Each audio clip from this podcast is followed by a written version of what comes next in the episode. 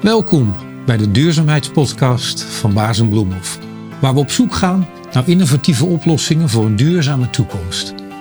Mijn naam is Remco Roest en als manager duurzaamheid ga ik in gesprek met experts en pioniers op dit gebied. En zij kunnen ons inzicht geven in de nieuwste ontwikkelingen en mogelijkheden in duurzaamheid.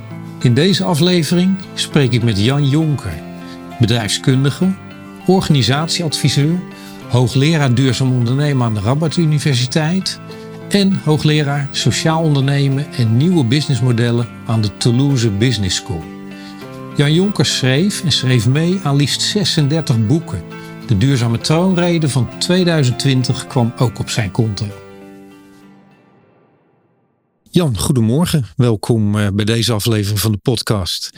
Um, ik zou je willen vragen om met de introductie even kort uh, jezelf te benoemen. Wie ben je en wat doe je? Om te beginnen, dank voor deze uitnodiging. Ik voel mij zeer vereerd op deze mooie podcast die we voor dit bedrijf maken. Mijn naam is Jan Jonker. Ik ben uh, recent met pensioen als hoogleraar. Dat heet in dure woorden emeritaat. En ik ben nu 25 jaar bezig met de duurzaamheidsvraag. Ik ben hoogleraar geweest in Nijmegen, in Toulouse, jawel, en in Brussel. En ik heb in mijn lange, lange carrière uh, duurzaamheid als het ware ontdekt vormgegeven, door boeken over geschreven. En de laatste tien jaar kijk ik vooral naar wat is nou een duurzaamheidsstrategie? Wat is eigenlijk de circulariteit van strategieën?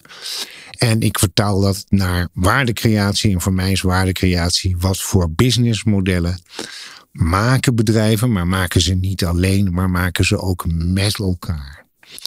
En uh, zeker de laatste tien jaar ben ik ontzettend blij om te zien dat uh, het een onderwerp is wat leeft, wat steeds meer leeft. Maar het is een illusie om te denken dat we er zijn. Er zijn. Uh, eerlijk gezegd, we zijn heel mooi begonnen. En de urgentie om ermee bezig te zijn neemt alleen maar per dag toe. Ik denk het ook. Ik denk het ook. We hebben net in het voorgesprek al uh, even een paar dingetjes aangestipt. Ik denk dat we nauwelijks voorkomen dat we af en toe naar de voorkant qua ontwikkeling op duurzaamheid uh, springen. En dan weer even terug naar, nou, misschien het, het nu. We hebben net even kort gehad over de term economie aan zich. Uh, waarbij ik zei, ja, mensen lijken wel eens het besef of, of, of het idee te hebben dat het iets is wat nou eenmaal zo is. Maar het is gewoon een systeem wat we hebben gebouwd met elkaar. Nou, als je naar dat systeem kijkt, dat systeem economie, dan zijn we eigenlijk met de huidige economie na de Tweede Wereldoorlog begonnen. Sommigen zeggen 1954, kunnen we over discussiëren. En daar hebben we eigenlijk wat nu heet de lineaire economie gelanceerd. Een economie die gebaseerd is op een bruto nationaal product of een bruto, uh, een bruto omzet, als dat een beter woord is wat mensen willen hebben. En dat is gebaseerd op het feit dat we veel kopen, kort gebruiken en getraind worden, gestimuleerd, getraind is een beetje negatief, om zo snel mogelijk de boel weg te gooien. Dat betekent dat we producten maken die snel en gestructureerd, gepland kapot gaan. En daaroverheen stimuleren we mensen ook nog eens door te denken dat wat ze hebben, dat dat niet meer kan. Dus het t-shirtje van vorig jaar, dat kan dit jaar niet meer. Nou, dat noemen we met een heel duur woord obsolescence. En dat is dus grondslag van onze huidige economie. Waarbij we langzamerhand, want in het begin hadden we dat natuurlijk niet door, zoveel zijn weggegooid dat we een overmatige grondstofhonger hebben, overmatig zijn producten, waaronder water, zand, olie, van alles zijn gaan gebruiken. En nu, zo ongeveer in de laatste tien jaar, komt er een groeiend besef dat dat niet the way to go is. Daar zijn we nu. Dus die economie, die moet verbouwd worden. Sommigen zeggen, die moeten naar een circulaire economie. Sommigen zeggen het moet een regeneratieve economie. Sommige mensen zeggen nou nee, we moeten aan de degrowth.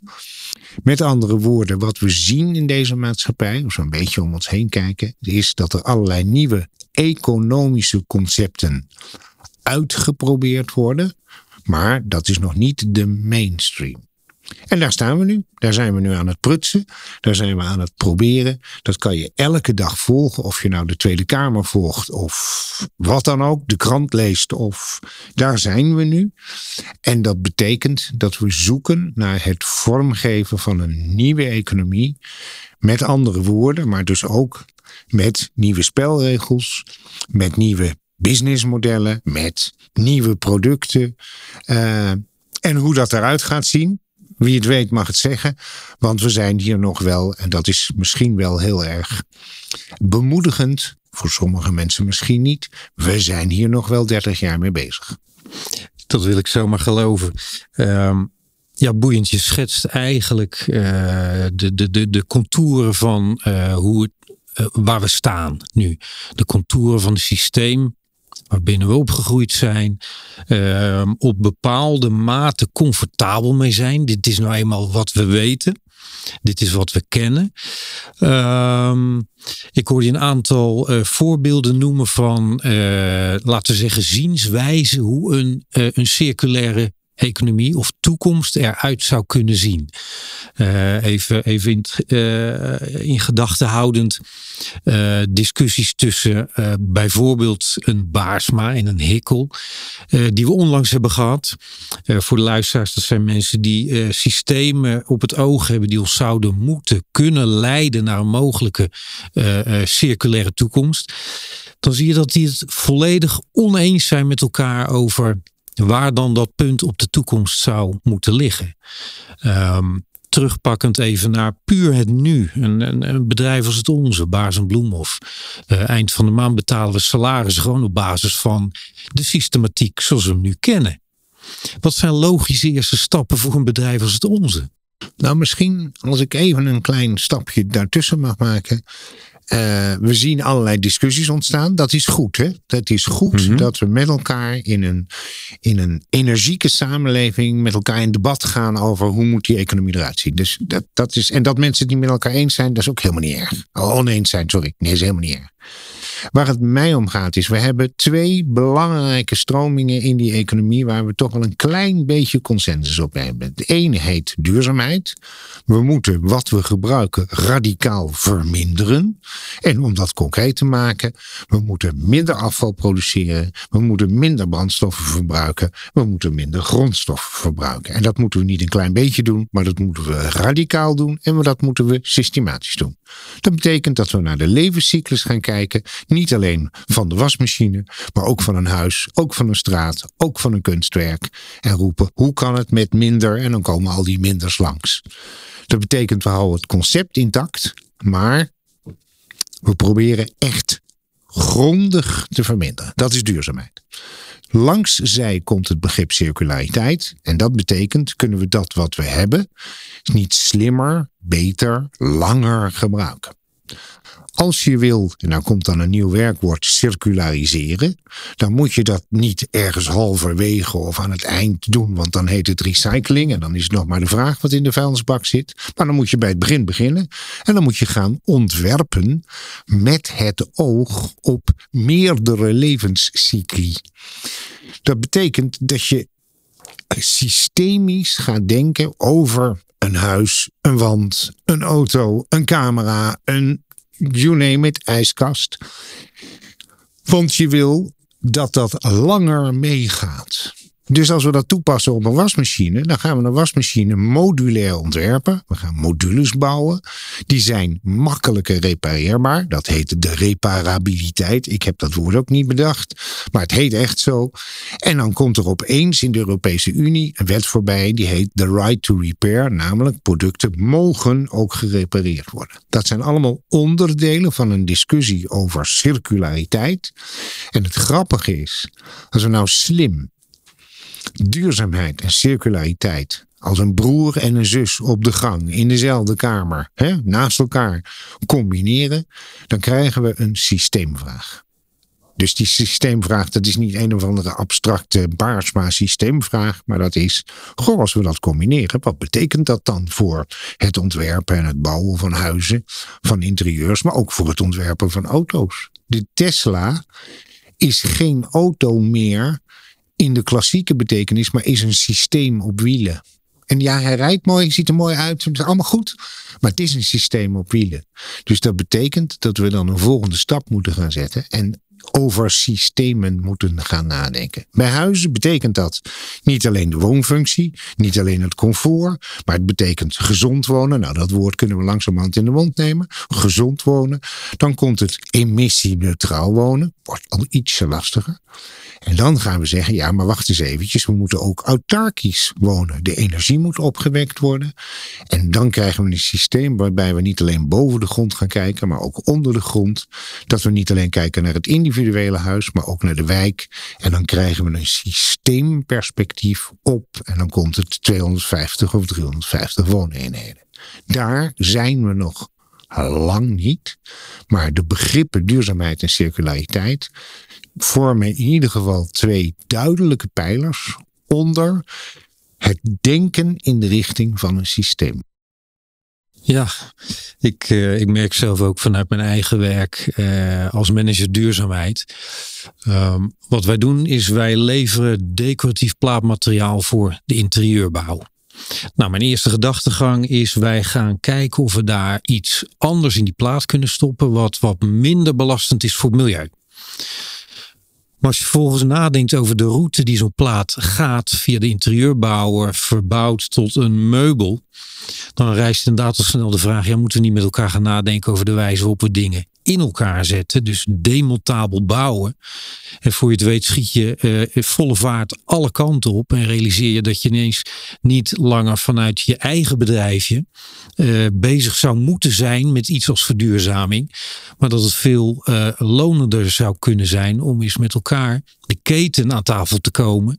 En te zeggen, joh, laten we eens op een andere, meer transparante wat dat dan ook mogen betekenen.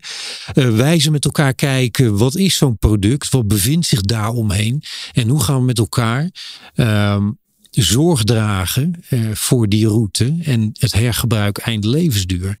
Nou, misschien als ik daarop in mag gaan, dan moeten we beginnen om in ons hoofd te zeggen: het gaat niet meer om een waardeketen, maar het gaat om een waardekringloop. Dat is de eerste stap die we moeten zetten met elkaar. Namelijk, als we willen dat materialen in omloop blijven, dan zeggen we impliciet: het functioneert in een kringetje. Nou, in mijn woorden, dan wordt het een kringloop. En die kringloop, die is niet alleen ons bedrijf, want wij als bedrijf hebben hele beperkte stukjes van die kringloop. Maar er zijn altijd allerlei mensen bij betrokken op alle mogelijke manieren. En dat betekent dat we ons product vanuit die kringloop moeten gaan bekijken. Wie is erbij betrokken? In welke fase? Wat betekent dat? Hoe ziet dat eruit? Als je dat met elkaar gaat doen, dan stap je dus over de grenzen van je eigen organisatie heen. Dat is voor mensen, veel mensen, een bijzonder enge ervaring. Want hoe, dan staan we opeens buiten en, en dan gaan we dus met andere mensen praten over gezamenlijke business. Oh. Maar de consequentie daarvan is dat je niet alleen nadenkt over productontwikkeling, productgebruik, productsamenstelling, uh, onderhoud, servicecontracten, maar ook over demontage, over second life, over refurbishment, over een tweede verdienmodel, over een derde verdienmodel, over verschillende kassa's. En dat betekent dat als je de kant op wil van wat dan zo mooi heet de circulaire economie, het systeem van anders denken, dan moet je en bepaald niet als laatste nadenken over je businessmodel en je verdienmodel voor en met elkaar. En daar zit dan de grote veranderkundige uitdaging. Want als we naar de bank toe gaan of naar de accountant toe gaan en je zegt dit verdienen we met elkaar, dus zij een beetje en wij een beetje, dan wordt het wel heel vaak heel stil aan de andere kant. Want ben ik dan niet in gesprek met het bedrijf? Nee, u bent in gesprek met meerdere bedrijven en die hebben samen een levenscyclus. Maar dat kan helemaal niet. Fiscaal kan dat helemaal niet. Zo kunnen we helemaal niet denken. En uh, denk eraan, dat kan ook niet met de BTW. Dus wat ons betreft is het gesprek nu gesloten. Dus we moeten antwoorden zien te vinden op dit soort voor heel veel mensen uiterst, uiterst concrete vragen. En de een zal zeggen materialiteit. De andere zal zeggen het vraagstuk van de dubbele BTW. En weer een ander zal zeggen de vraagstuk van de samenstelling. Is het miscellaneum en wat voor lijnmiddelen zit. dus, dus hoe je het ook doet, je komt terecht in een wereld van meerdere vragen. En al die vragen zijn goed. En al die vragen moet je met elkaar zien op te lossen. Want anders gaat dat verduurzamingsverhaal nooit werken. Dan blijft het een hobby van een paar duurzaamheidsmanagers die we dan een groen petje geven. En voor de rest willen we niks van ze horen. Ja, op zich bevalt dat beeld met dat groene petje me wel. Maar uh, ik, ik, ik snap wat je zegt in de zin van uh, terugpakkend op die, uh, die samenwerking met elkaar in de keten. een bepaalde mate of een veranderende mate, een sterk veranderende mate van transparantie die daarbij moet komen kijken. En die zet ik met kracht aan. Um, even vanuit theorie redenerend een stukje chaos. Er is wat chaos nodig om tot daadwerkelijke veranderingen te komen. Voorwaarde in een bepaalde theorie daarbij is wel dat er een plan B klaar ligt. Zeg je nu, nou, we zitten echt in de fase waarin dat plan B nog niet klaar ligt, waardoor dat ongemak veroorzaakt wordt? We zitten nu in wat ik nog wel eens soms noem de schuurfase. We zitten in Zoals we deden gaat het niet langer. Hand over hand nemen de problemen toe. Of je ze nou polycrisis noemt of klimaattransitie, dat maakt allemaal niet aan. Hand over hand nemen de problemen toe. En het aantal problemen neemt toe. Dus we hebben maar één way forward. Dat is vanuit een integraal perspectief. En dat is geen clichéwoord. Naar die problemen gaan kijken. Water hoort bij zand, hoort bij beton, hoort bij wonen. Dingen horen bij elkaar. Als je dat gaat doen, dan ga je bestaande concepten ter discussie stellen. Dat kan niet anders. Dat, dat is onvermijdelijk. Je gaat gewoon zeggen: ja, maar zoals we deden, dat werkt dus niet meer. Was dat dan fout? Nee, we deden het zoals we dachten dat we het moesten doen. En nu komen we erachter dat het zo niet meer werkt. Als we dus spijkerboeken blijven produceren die 15.000 liter water vragen, dan komen we er niet. Want als er zo direct een waterbelasting komt en we rekenen 0,0001 cent belasting per liter water, dan worden de spijkerboeken onverkoopbaar. Dus daar lossen we het niet mee op. We moeten dus spijkerboeken gaan maken die in hun productieproces het liefst geen water gebruiken. Iedereen gaat nu flippen. Of water gebruiken wat we gaan circulariseren. Pardon, nog een keer. Ja, dan gaan we water circulariseren. Dat betekent dat we systemisch moeten gaan nadenken over dat watergebruik. Dat is een hele opgave. En doen we dat dan ook nog ver weg ergens, in Verwegistan? Of gaan we dat om de hoek ergens in Europa doen? Volgende vraag. Want als we dit niet systematisch aanpakken, dus dit zijn systeemvoorbeelden, dan blijft het, ik zeg het maar, recht toe, recht aan, een beetje gepruts in de marge. moet erbij lachen, maar ik, ik, ik onderschrijf volledig. Uh, waarbij natuurlijk de opgave voor het hedendaags bedrijf, een organisatie met collega's, uh, natuurlijk groot is. Uh, kleine beetjes veranderen uh, gaat in termen van verschil maken op duurzaamheid. ja, de wereld, de wereld niet redden, zeg ik, maar ehm, de horizon moet breder worden. Het punt op de horizon moet steeds verder weggelegd worden. Maar vaak werkt de wet ook niet zo voor bedrijven. Er zitten twee vraagstukken in wat je zegt. Natuurlijk moeten we stap voor stap, mens voor mens, bedrijf voor bedrijf, die transitie, die veranderingen doormaken. Dat is waar. Daar is niks tegen in te brengen. Het probleem alleen is dat het proces om dat te doen zo lang duurt dat ons ondertussen misschien wel de problemen boven het hoofd gegroeid zijn. Dus er zit een grote paradox in, uh, stapje voor stapje, versus de urgentie van de problemen is zodanig dat we echt meters moeten maken. Die meters, het maken daarvan, worden geholpen doordat we een institutioneel kader, noem het wetten, regels, afspraken, maakt niet uit, een institutioneel kader hebben. Die ons, want we zijn nou eenmaal mensen, gewoon verplichten om dat te doen. Daarom rijden we ook, als het goed is, 110 op de snelweg. Uh, uitzonderingen daar gelaten. Uh, omdat daar gewoon de wet voor staat. En daarom betalen we ook gewoon keurig belasting. Ook al zijn we het niet altijd met de Belastingdienst eens. We betalen gewoon keurig belasting. Want dat hebben we met elkaar afgesproken. En zo kunnen we nog een hele poos doorgaan.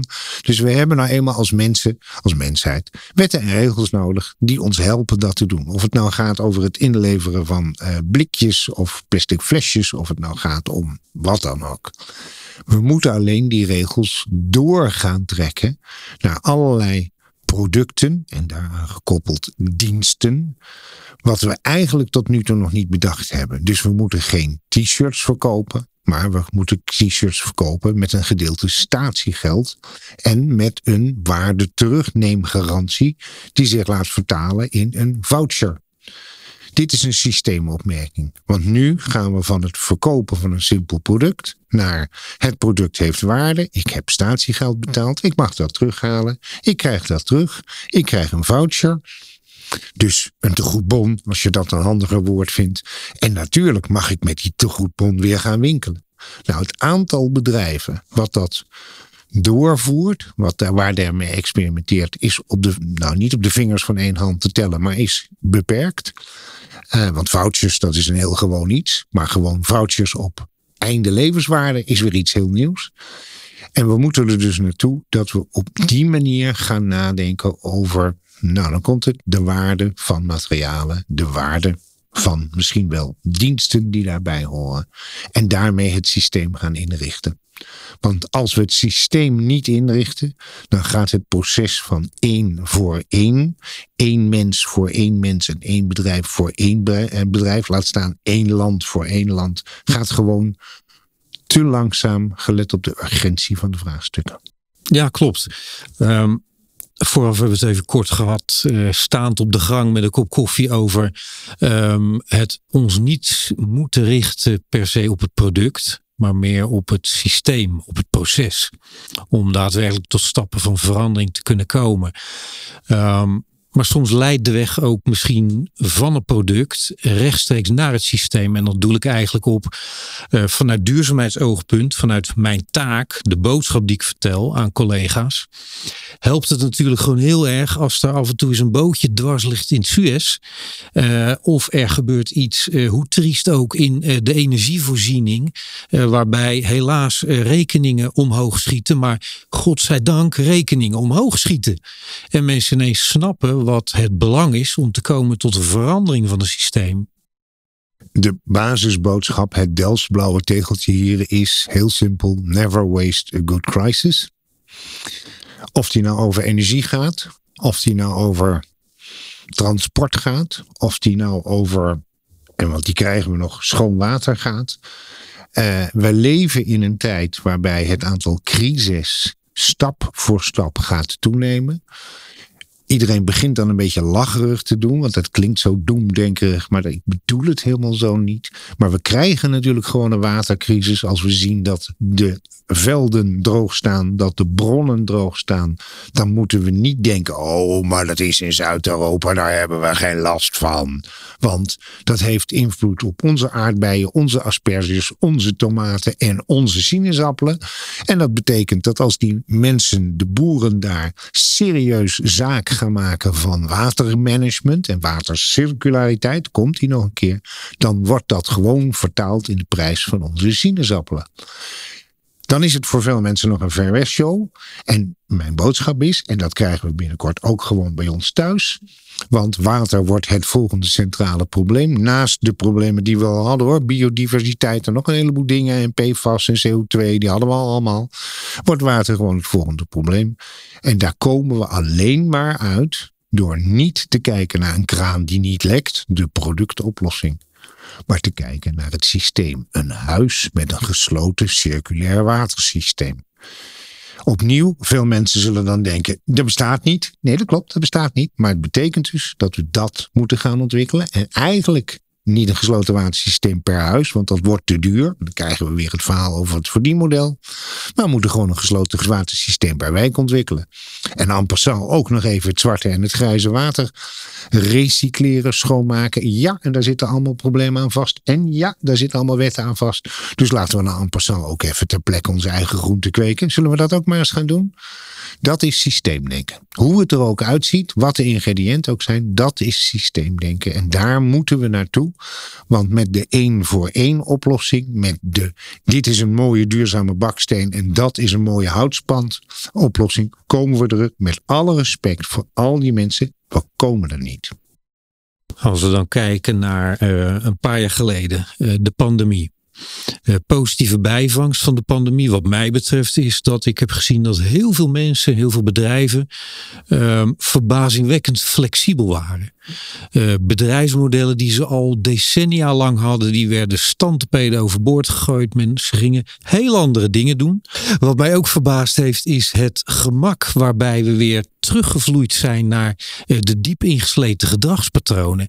De snelwegen lopen weer vol, de files staan uh, langer dan ooit. Ehm, ligt daar ook niet het gevaar dat na het oplossen of het, het doorstaan van weer een crisis, of dat nou schoon water is of wat dan ook. We uiteindelijk toch weer heel makkelijk terugplooien in uh, ja, datgene wat we kennen van vroeger. We leven in een tijd waarin oude concepten schuren met nieuwe gedachten. We leven in een tijd van felle debatten. Sommige mensen zeggen het is toch prima zoals het gaat. Versus nee, het roer moet om. En mijn aanname is dat die debatten alleen maar feller worden. Die worden alleen maar scherper gevoerd. Die, dat zie je ook als je goed kijkt om je heen. Het is erg makkelijk om te zeggen, maar uiteindelijk gaat het erom dat mensen veranderen in hun gedrag, alsof je dan alles gezegd hebt. Maar zo simpel is dat natuurlijk helemaal niet. Als je gewoon kijkt naar hoe lang het kost dat mensen echt echt veranderen. Dus niet even iets anders doen. En met alle respect voor de achterliggende crisis. We zijn radicaal even iets anders gaan doen, maar veren dan weer terug in wat lekker oud en vertrouwd is. Ja, ja, ja.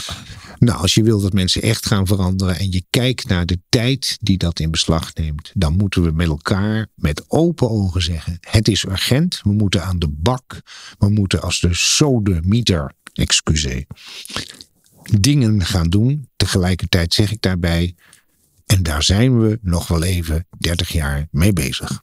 Het doet me wel eens denken aan, uh, uh, aan een uitspraak die ik ergens heb gelezen. Het is zeker niet die van mijzelf.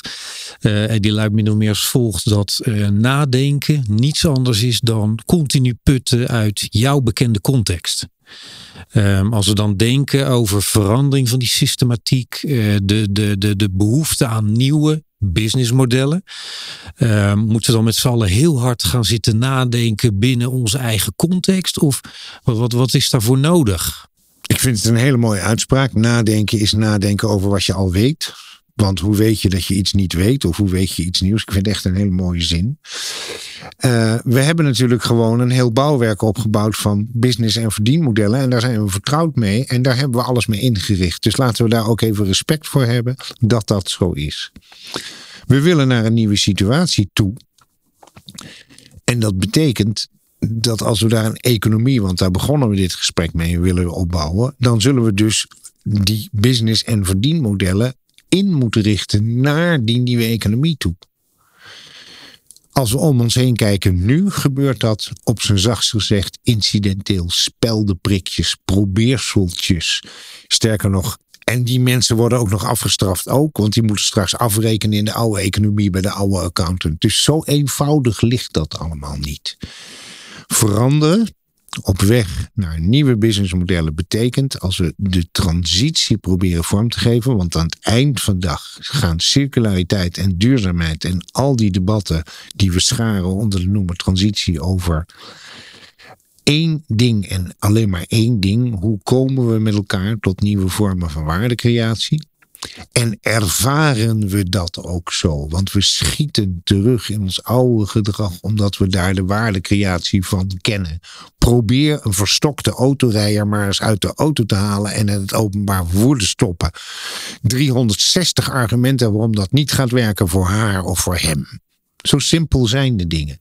Dus veranderen kost tijd. En ik wil graag afsluiten met de zin.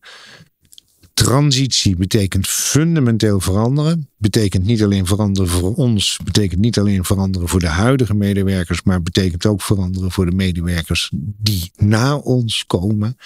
En op het gevaar af de dingen te herhalen. Daar zijn we voorlopig nog wel even bezig mee. Dank. Wij uh, hobbelen alweer, hobbelen. We zijn eigenlijk alweer aan het eind van uh, onze beschikbare tijd gekomen. Um, Ik rond hem af met een, met een vraag. het is eigenlijk meer een, een overpeinzing. En ik vind het wel leuk om hem aan elke gastspreker te stellen. het gaat over jouw roeping. Ik denk dat we duidelijk toegekomen zijn aan het invullen van waar ligt jouw roeping. Maar het is misschien een mooie afronding van het gesprek zoals we het hebben gehad. Het is overweging van Aristoteles. Uh, de Griekse filosoof. En die luidt als volgt: waar je talenten en de behoeften van de wereld elkaar kruisen, daar ligt je roeping. Als dat zo is, Jan, waar ligt dan jouw roeping? Ik vind het een hele mooie uitspraak. Hij is lekker stabiel, want hij gaat al een paar honderd jaar mee. uh, ik denk dat waar uh, talenten en behoeften elkaar kruisen, creëer je waarde voor de wereld. En ik zou iedereen willen uitnodigen om de waardecreatievraag voor zichzelf te willen stellen. Welke waarde creëer ik? Voor wie dan eigenlijk? En dat is zonder onderscheids des persoons of zonder onderscheids des positie. Want iedereen is van waarde. En als je jong bent, creëer je een andere waarde dan als je, wat zal ik zeggen, midden 30 of midden 40 of midden 60 bent. Dus dat, waardecreatie is een, is een bewegend begrip. Ik heb mogen ontdekken dat ik mensen kan aanspreken met de verhalen die ik vertel. Daarom ben ik ook boekenschrijver geworden. Daarom heb ik nu, uh, werk ik nu aan mijn 36e boek. Uh, een aantal van die boeken zijn volstrekt mislukt. Ik wil dat nog even hier gezegd hebben. Want je schrijft ook boeken waarvan je zelf denkt dat is van waarde, maar dat wordt dan niet herkend. Tegelijkertijd, aldoende leert men nog steeds. Dus gaandeweg begin je te begrijpen, oh, maar als ik het zo zeg, dan begrijpen mensen het kennelijk wel. En de belangrijkste les voor mij is, ik put plezier uit het maken van publicaties en het houden van verhalen. En als iemand tegen mij zegt, ik heb uw boek gelezen. Nu snap ik het helemaal. Heb ik afgeleerd om te vragen wat zij of hij dan begrijpt. Want dat is een privé-aangelegenheid. Maar ik heb kennelijk dan wel waarde gecreëerd. Ik vind het een prachtige afsluiter. Dankjewel uh, Jan voor je, voor je tijd en je aanwezigheid. Graag gedaan. Dank.